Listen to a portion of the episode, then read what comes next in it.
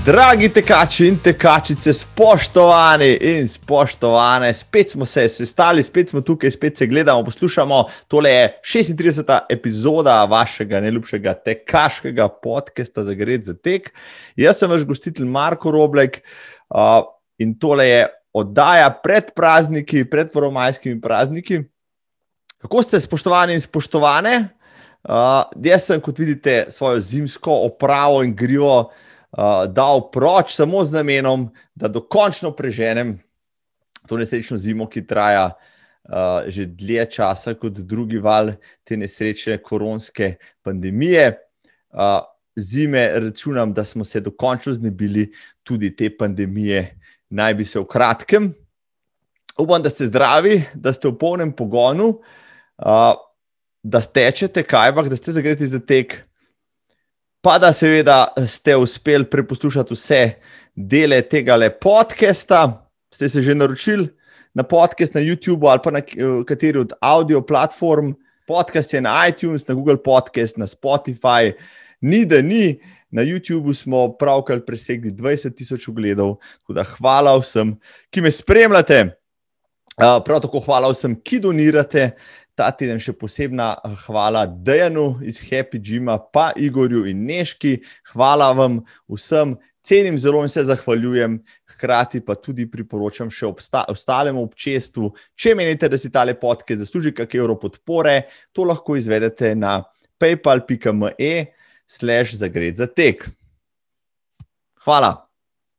No, zadnjič sem naredil en hiter pregled komentarjev na YouTubu, pa na ostalih platformah par zanimivih sem zbrskal, da jih predstavim. Uh, ljudstvo tam zunaj očitno še hoče te vsebine.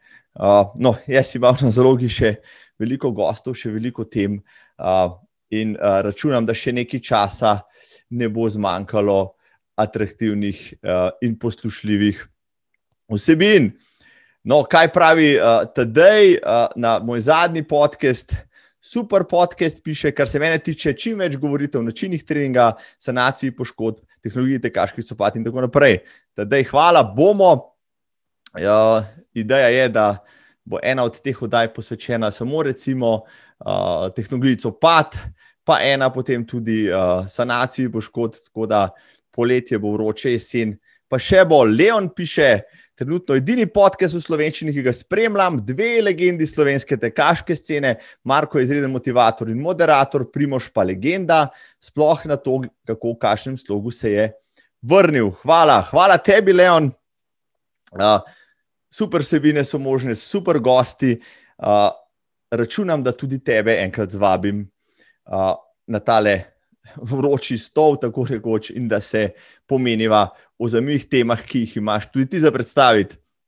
Dejan na uh, podkastu s Primožem Črnilcem in slepim Sandijem Novakom piše: Bravo in hvala za navdih. To bi si lahko gledalo več trenerjev in športnikov. Dejan se strinjam, definitivno se kdaj pritožujemo nad stvarmi, ki so nam samo umevne, tekaču kot je Sandi, pa prav gotovo ne, tako da za malo več ponižnosti, za malo več um, hvaležnosti za to, kar imamo, se splača podcast s Sandijem Novakom poslušati še kdaj.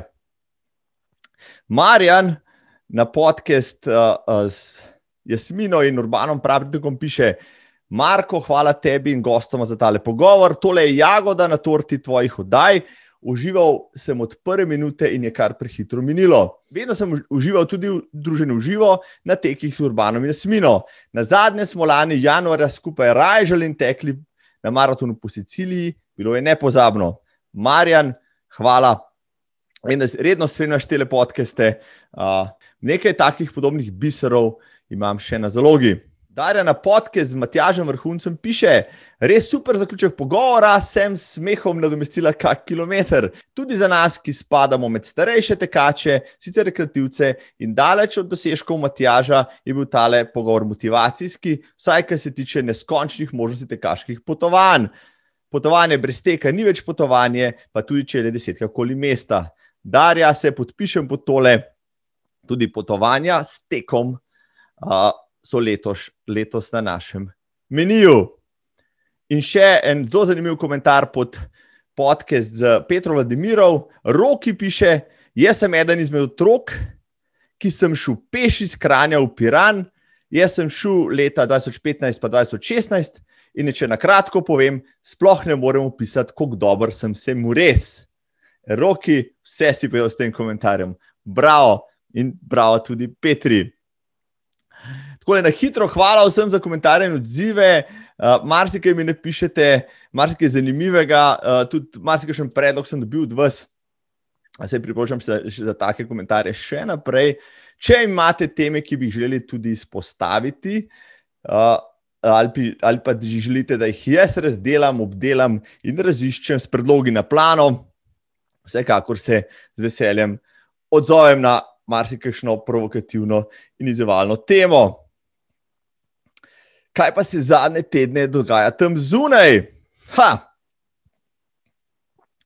Tole snemam samo en dan po moji prvi dirki na stezi po mnogih letih. Lukas Vrkoli Zavoda za šport Kran se je domislil 10 km kronometra na stezi, kamor je povabil poleg resnih tekačev tudi nas rekreativce.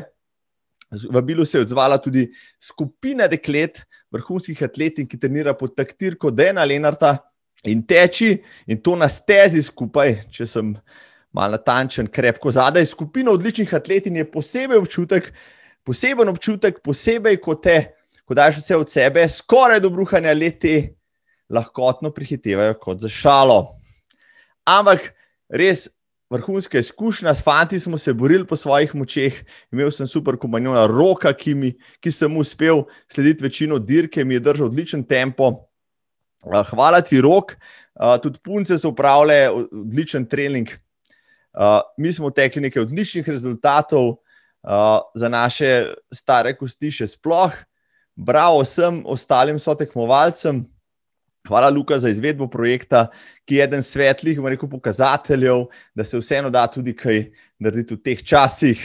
Upam, da je še kak prireditelj tam zunaj, kako upravljati stadion, morda uh, kak uh, predsednik kluba ali zagret uh, tekaški delavec, ki bi naredil podoben izziv na stadionu za rekreativce. Nekaj posebnega, verjemite mi, je teč teh 25 krogov na stadionu, uh, pa malo podoživljati tisto, kar se recimo s teznim atletom dogaja na večjih tekmovanjih. Uh, tudi droben, dober trening za glavo, recimo, ne, ko se med tekom ukvarjaš tudi s tem, ali je pravkar 12 ali 13 krok. Uh, tako da pozdravljam in že kujem tudi sam ideje, kako bi še realiziral kakšno podobno idejo tudi v naši sredini. No, uh, v zadnjih tednih je bilo doseženih nekaj odličnih dosežkov, tudi med uh, vrhunskimi atleti, da jim se malo sprehoditi čez njih prejšnjo nedeljo, pretekli teden, 18. aprila, sta se izvedli kar dve državni prvenstvi na isti dan, na svojem, vsako na svojem koncu Slovenije. V Grižah pri Žalcu je ATD Savinčan z odliko organiziral državno prvenstvo v gorskem teku Gor Dol, tako za člansko kot mladinsko konkurenco. Hkrati je bila tudi izbirna tekma za Evropsko prvenstvo. V članski konkurenci sta prepričljivo slavila povratnik Timotej Bečan pred močnim primorcem Markom Tratnikom in mladim Timom Seničarjem. Moj gost Aleš Žontar je bil odličen četrti, veteran Marjan Zupančič pa deveti. Pri dekletih je bila brez konkurence praktično Ana Čufer, naša najboljša gorska tekačica, pred Nušo Mali in Petro Tratnik. Nastopali so praktično vsi najboljši v tej disciplini, a, pri mladincih pa sta primat potrdila Klemen Španring in Loti Rotar. Čestitke vsem, očitno se obeta močno, vsaj gorsko-tekaška sezona. V Šentjurju na stadionu pa se je odvrtelo državno prvenstvo v dolgih tekih, na stezi na 10.000 metrov, kraljevski disciplini v atletiki na stadionu je po napetem taktičnem boju slavil Mitja Krev s odličnim 30-14 pred Janom Brešanom in Matijo Rizmalom. Janez Mulej je bil odličen šesti s časom po 32 minutami in pokazal, da je kot veteran letos v odlični formi, pravzaprav življenski. Državni prvak v Krosu, Primoško B, ki je bil tudi eden od uh, favoritov za, za zmago, pa je zaradi težav z mišico preventivno odstopil na šestem kilometru. Med dekleti sta žal tekli samo dve, ampak prepričljivo je slavila tudi državna prvakinja že prej v Krosu, Anja Fink, druga je bila Nives Skube. Rezultatov, uh, rezultate vseh mlajših kategorij pripenjam spodaj, na naslednjih prvenstvih lahko mirne duše računamo na še močnejšo konkurenco. Uh, Svetober slovenske, uh, ženske tekaške scene, ki smo jo pa gostili včeraj v Kranju, je ta isti dan tekel po Italiji na dokaj močni dirki, kamor so bile povabljene uh, desetka Mudžalongi z odličnim razpletom za naše.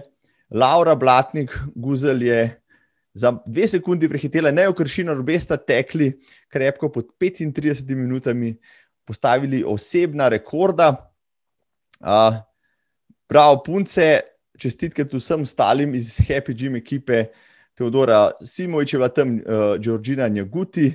Uh, super dirka, super pokazatelj forme, kar tako naprej. Uh, vem, da greste v kratkem v Milano, držimo pesti.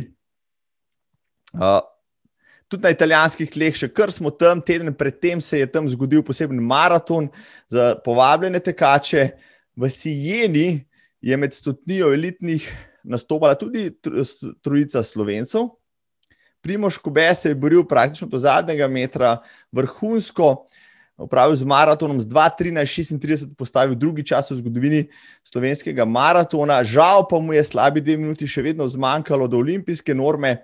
Uh, fantastičen je bil tudi Mitja, ker je v 3 minute za njim, kar za 10 minut je izboljšal svoj osebni rekord in resno pokazal, da bo maraton v prihodnje tu njegova glavna disciplina.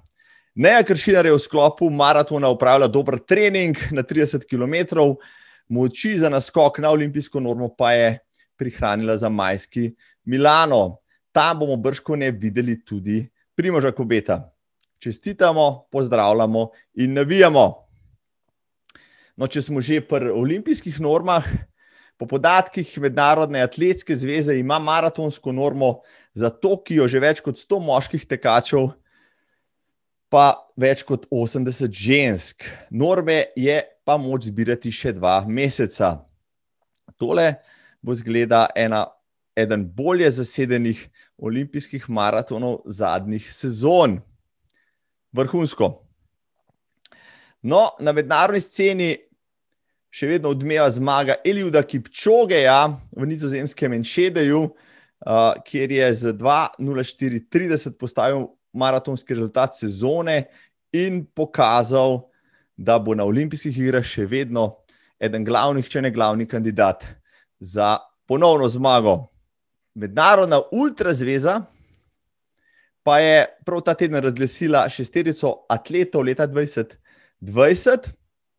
In med to šesterico je uvrščen tudi slovenec, primorec, Luka Videtič, čestitke, Luka Bravo, kot kaže, si eden obetavnih slovenskih in tudi svetovnih ultrašov.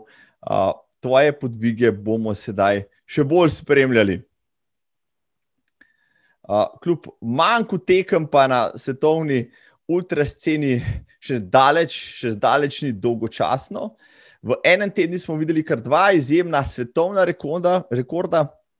Deziree, Dezi Linden, ena ameriških sicer najboljših maratonk zadnjih let, je potem, ko uh, ni uvrščena v ekipo za olimpijski maraton, uh, napadla rekord na 50 km in svetovno rekordno znamko sedaj uh, postavila 6 sekund pod 3 urami prejšnjemu rekordu je vzela kar sedem minut.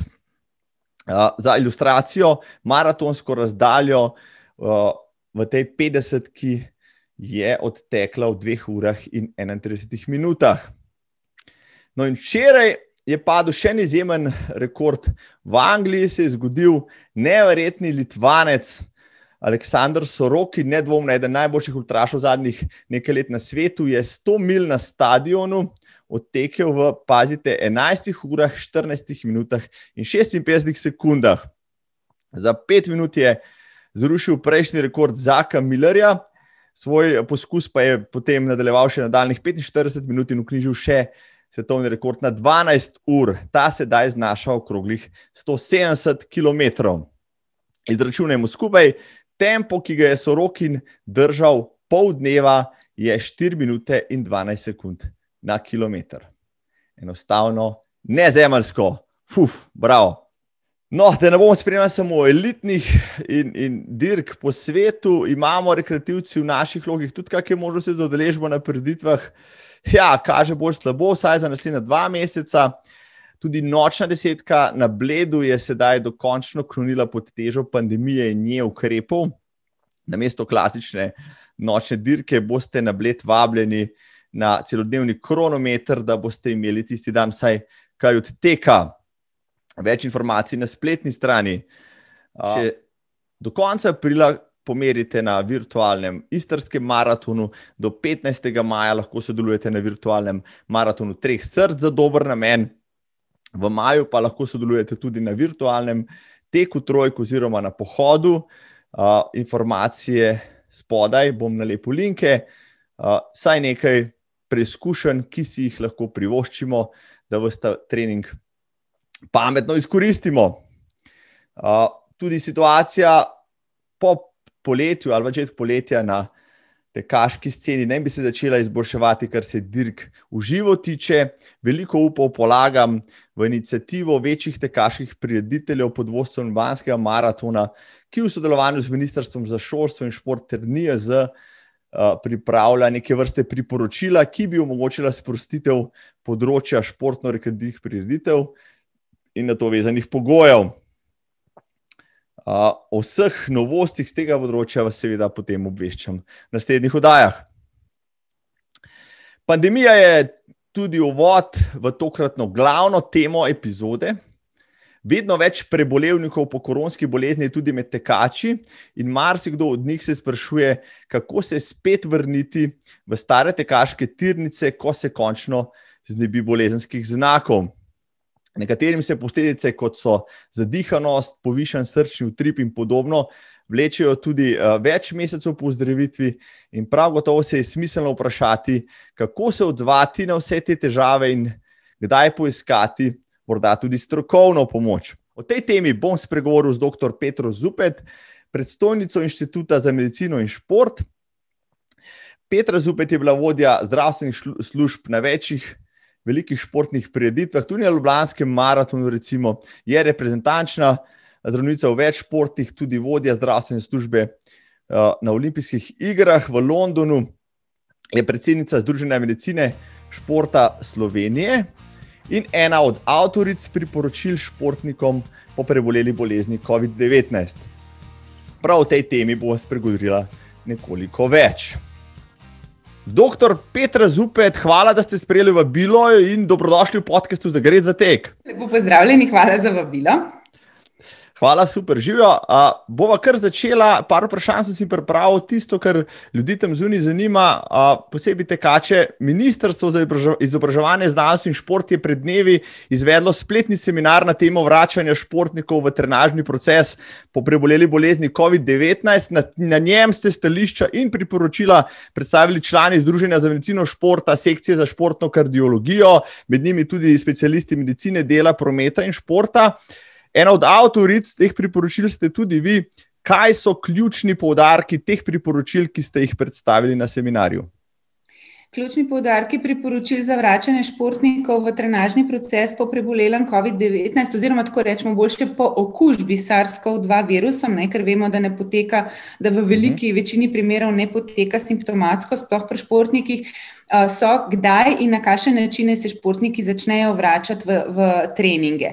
Zdaj, priporočila sama so namenjena trem skupinam športnikov, gre pa za slovenska priporočila, ker uh, zasledimo tudi v zadnjem letu ne, več mednarodnih priporočil, tako ameriških kot um, iz različnih evropskih držav.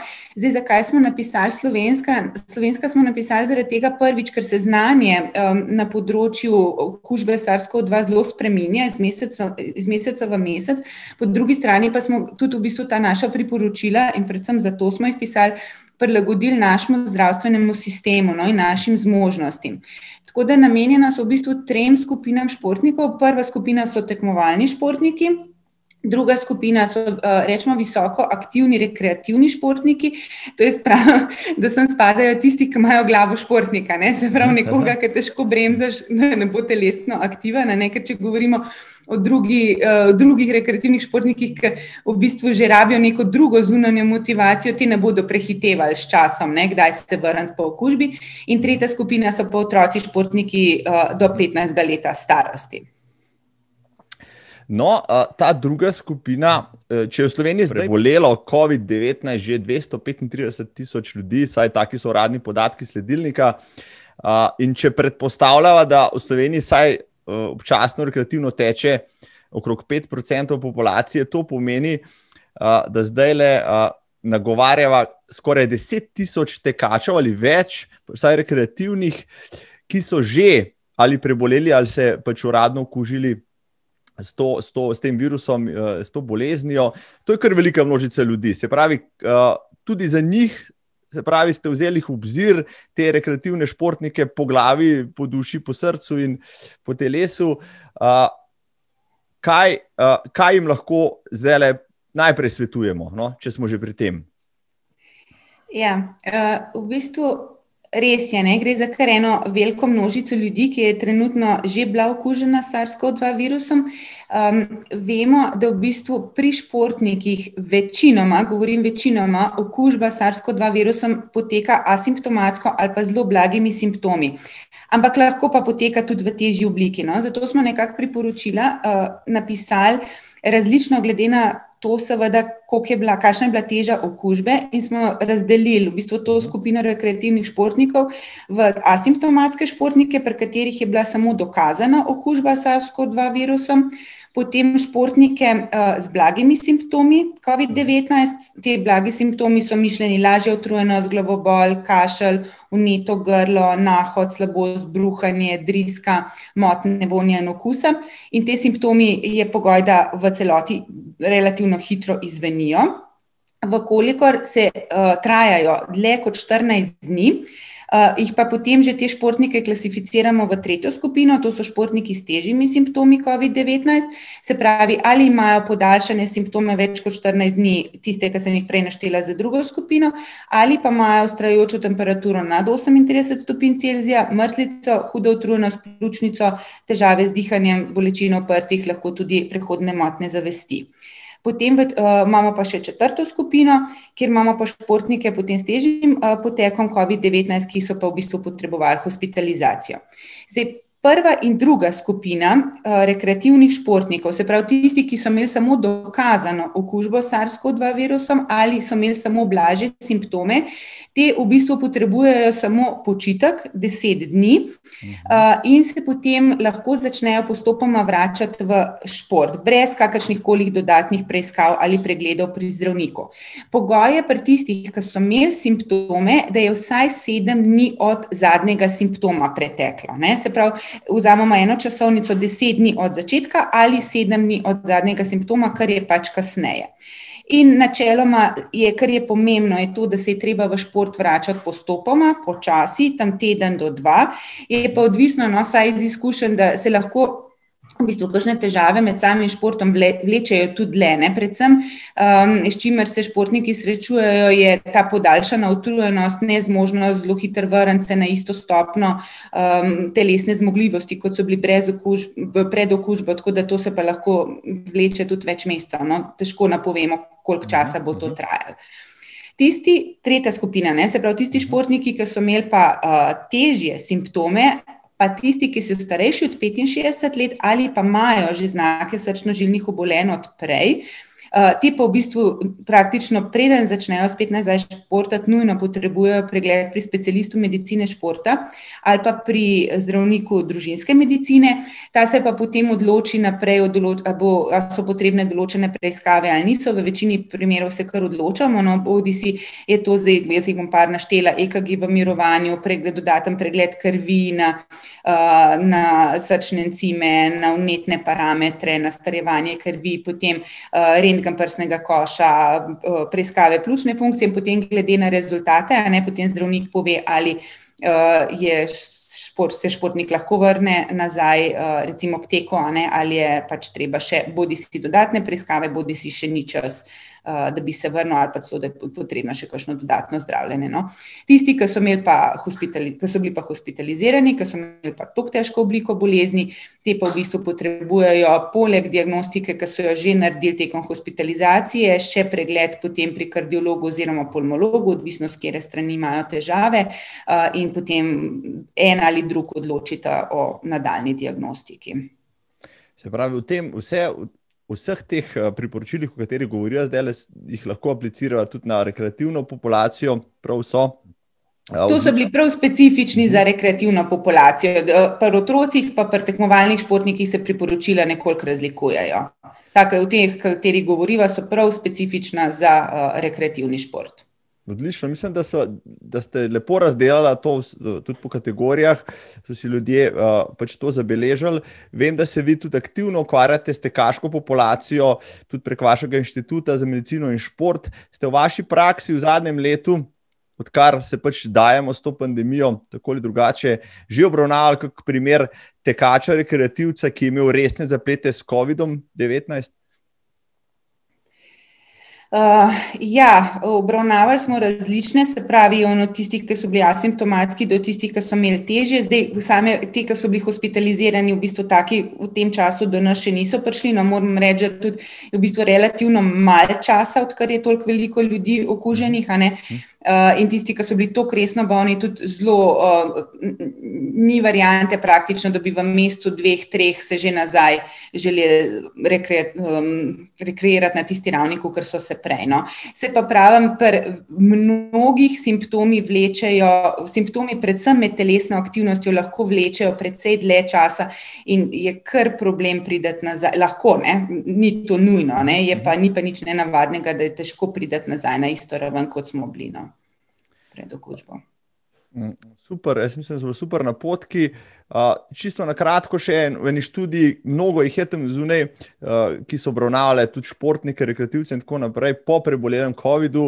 Uh, v eni študiji so zaznali kar 15-20% takih, ki so imeli vsaj določene znake miokarditisa, se pravi, prizadete srčne mišice, potem, ko so se uh, vračali tako ali drugače uh, po, po uh, tej bolezni nazaj.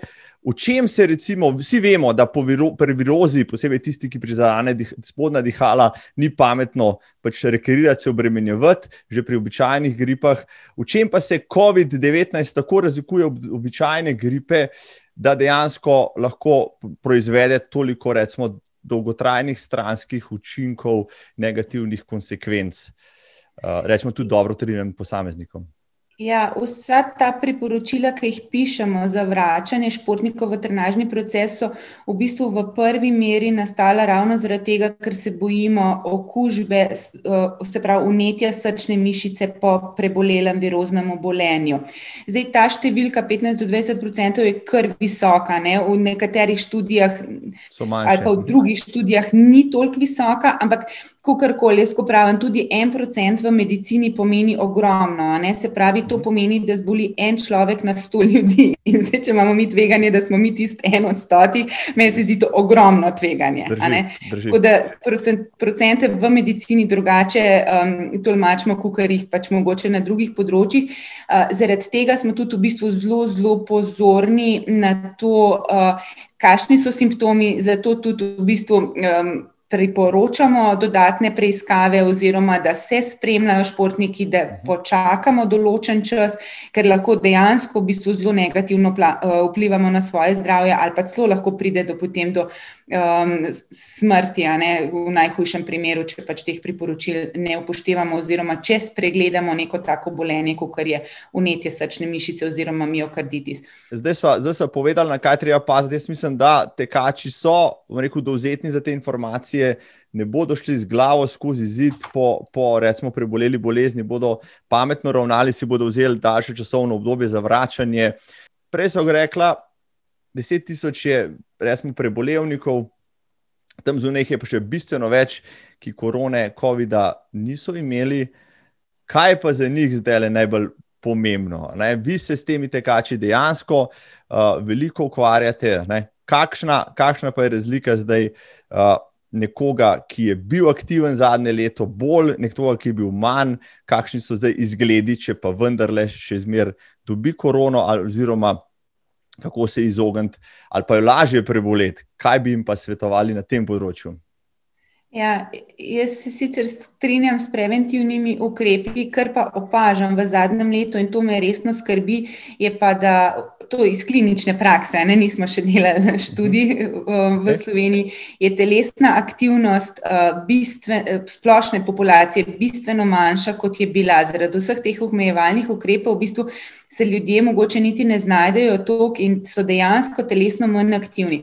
Kar moramo povdariti in kar nam svetovne študije kaže, res znanstvene študije, močne študije, je to, da dejansko potek bolezni pri tistih, ki so telesno redno dovolj aktivni, je um, predvidoma blažji in, imamo, in je manjša možnost, da bo človek zbolel s težjimi simptomi, da bo zahteval, da bo, ki bodo zahtevali hospitalizacijo, boh ne da je zdravljenje v intenzivni enoti oziroma najslabši možen iztek bolezni. Tako da telesna aktivnost je en od pomembnih dejavnikov, ki nas ščiti pred težjim potekom COVID-19. Ne, ne morem reči, da izključi, a ne zboli tudi nekdo lahko s težjimi simptomi, ki je telesno aktivan, ne, da ne bomo zdaj medicini niso sto procentov, nikoli ne govorim. Govorim pa o tem, da je to vse nek zaščitni dejavnik. Tako da bi zelo rada spodbudila ljudi in bi zelo rada, da bi se o tem govorili, da moramo biti. Ne manj telesno aktivni, kvečemu več, če želimo v bistvu uh, dobro čez pride, če po domače povem, če se že okužimo uh, s tem virusom. Uh, odlična popotnica. Uh spoštovana dr. Petra Zupet, uh, najnim poslušalcem, gledalcem tam zunaj. Uh, zdaj le gre noter pomlad, poletje, možnosti za rekreacijo bo vedno več, uh, meje med uh, pokrajinami so padle, ljudje božji, pejte ven, laufite, hodite v hribe, kolesarte, počnite, počnite nekaj s svojim telesom, ki ga imate. Uh, hvala vam za odgovore. Uh, Petra, jaz upam, da se čim prej srečamo na kakšni tekaški prireditvi, kjer ste ponavadi vi v vlogi vodje zdravstvene službe, recimo na Ljubljanskem maratonu. Uh, sicer jesen je še daleč, ampak jaz držim pesti, da letos pa se ta, bomo rekel, praznik slovenske rekreacije in teka vendarle izvede in da boste vi imeli čim manj dela tam, tako rekoč. Ja, hvala, jaz tudi upam, da se začnemo srečevati no, na takih in podobnih prireditvah spet nazaj. Tako da lep dan. Hvala, lepe praznike, uh, se vidimo, srečno. Srečno. Hvala, doktor Petr Zupet, tole je bilo informativno in poučno. Samo še disclaimer. Uh, tale oddaja ni medicinska, niti jaz nisem strokovnjak z tega področja. Vse na svete, ki jih tu slišite in so vezani na vaše zdravstveno stanje, preverite pri vašem zdravniku ali strokovnjaku z področja medicine športa. Vsekakor pa ne pretiravajte športnimi napori, po preboleli koronski bolezni, posebej, če še čutite posledice, tisti na svet, da, je, uh, da velja kak teden, po, uh, ko nimate več simptomov, še počakati, kakšno resno bremenitijo, potem pa začeti s kakšne 50 odstotkov uh, kilometraže in obremenitve, vsaj prvi teden, potem dodaja 10 do 20 odstotkov, naslednje 3 do 4 tedne. Ta na svet, brško ne, ne bo odveč, tudi tempo ne bo prepočasen, bolje kak teden več, kot kak teden premalo. Vprašajte tudi, še nekaj tekača, ki je to bolezen že prebolel, recimo moj gost Ale Žontar je pred pol leta predelal kar težko obliko koronske bolezni in se sedaj že vrnil na tekmovalne vode z odličnimi rezultati, je pokazal, da je tudi korono in po koronske težave uspešno premagal. No, zdaj pa še za konec, za finale, še priporočilo za branje in ogled filma, ker je bil za nami uh, ravno ponedeljek, ko bi moral biti na sporedu tradicionalni bostonski maraton. Patriots Day je bil pretekli ponedeljek v Ameriki in je ta najstarejši maraton na svetu v knjižni in filmski obliki že obeležilo ogromno avtorjev. Jaz priporočam danes tole. Mep Keflezigi je spisal uh, super knjigo 26 Marathons, ki popisuje vseh njegovih 26 kariernih maratonov, med njimi tudi pet bostonskih. Čeprav ni bil najhitrejši uh, tekač svoje generacije, pa je ta porodil Eritrejec, ki je kot najstnik z družino pobegnil pred vojno v Združene države, svoji novi domovini, uh, vrnil gostoljube na najboljši možni način. Po dolgih desetletjih je bil namreč prvi američan, ki je zmagal tako na New Yorkskem kot Bostonskem maratonu, ter osvojil medaljo na olimpijskih igrah. Ta izjemno celoviti človek in atlet, ki se je za velike tekme znal pripraviti bolje kot njegovi sicer hitrejši konkurenti, je v tej zanimivi knjigi popisal ne samo svoj pristop k teku, treningu, tekmam in izzivom, pač pa tudi svojo nevrjetno življenjsko filozofijo. Med drugim, zelo eh, jedrnato in v drobovje popiše tudi Bostonski umeni maraton, pa New Yorkski in še nekaj večjih. Verjamem, da boste knjigo prebrali na dušek, priporočam torej Map Kleplezigi 26 Marathons. In še film tedna z Bostonom se je prav tako ukvarjalo. Uh, veliko režiserjev po bombnem napadu 2014, še več, vsaj dva filma poznate, Patriots Day z Markom Wolbergom in Stronger z Jakom Gleienholom. Ampak tokrat priporočam nekaj lahkotnejšega, pa še vedno srčnega. St. Ralph, sveti Ralph, uh, je kanadska komedija, ki predstavi zgodbo najstnika Ralfa, ki mu grozi izključitev iz katoliške šole, on pa se kljub temu odloči, da bo kljuboval ravnatelju. In za mati, ki je v komi natreniral, odtekel in celo zmagal Bostonski maraton leta 1954. Čeprav preprosta na trenutek, morda klišejska zgodba, bo tudi zahtevnejša gledalca razvedrila, morda otrnila celo kakšno tekaško sozo ali dve. Prijeten ogled želim, dobro trenirajte čez prihajajoče poromajske praznike, ne glede kakšno bo vreme. In k malu, evo, se spet srečamo v podkastu za Gred za tek. Marko Roblek, uh, se poslavljam, uh, želim vam obilo hitrih kilometrov, čim manj muskr fibra, veste, jaz ga danes krmam nekaj, ampak to je taka prijetna bolečina. Uh, čim več osvojenih vrhov, uh, osebnih rekordov in naslišanje k malu. Hvala in srečno!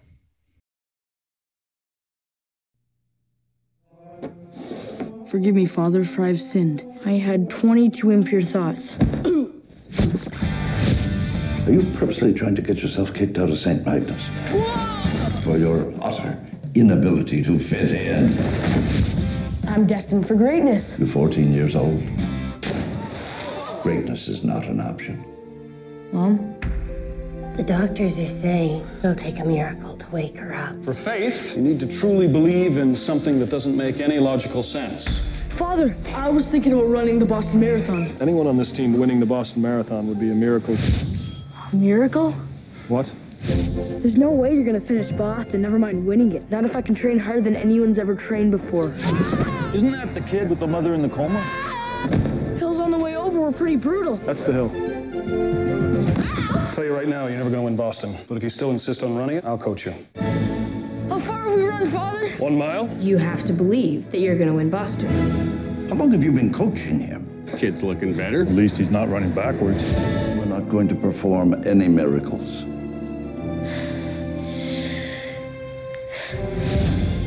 Welcome to the 53rd running of the Boston Marathon. One of the world's most prestigious foot races. You can do it, Ralph. You can do it. It'll be a miracle. Run, Walker. Run! Straightway ahead does Walker have one last surge.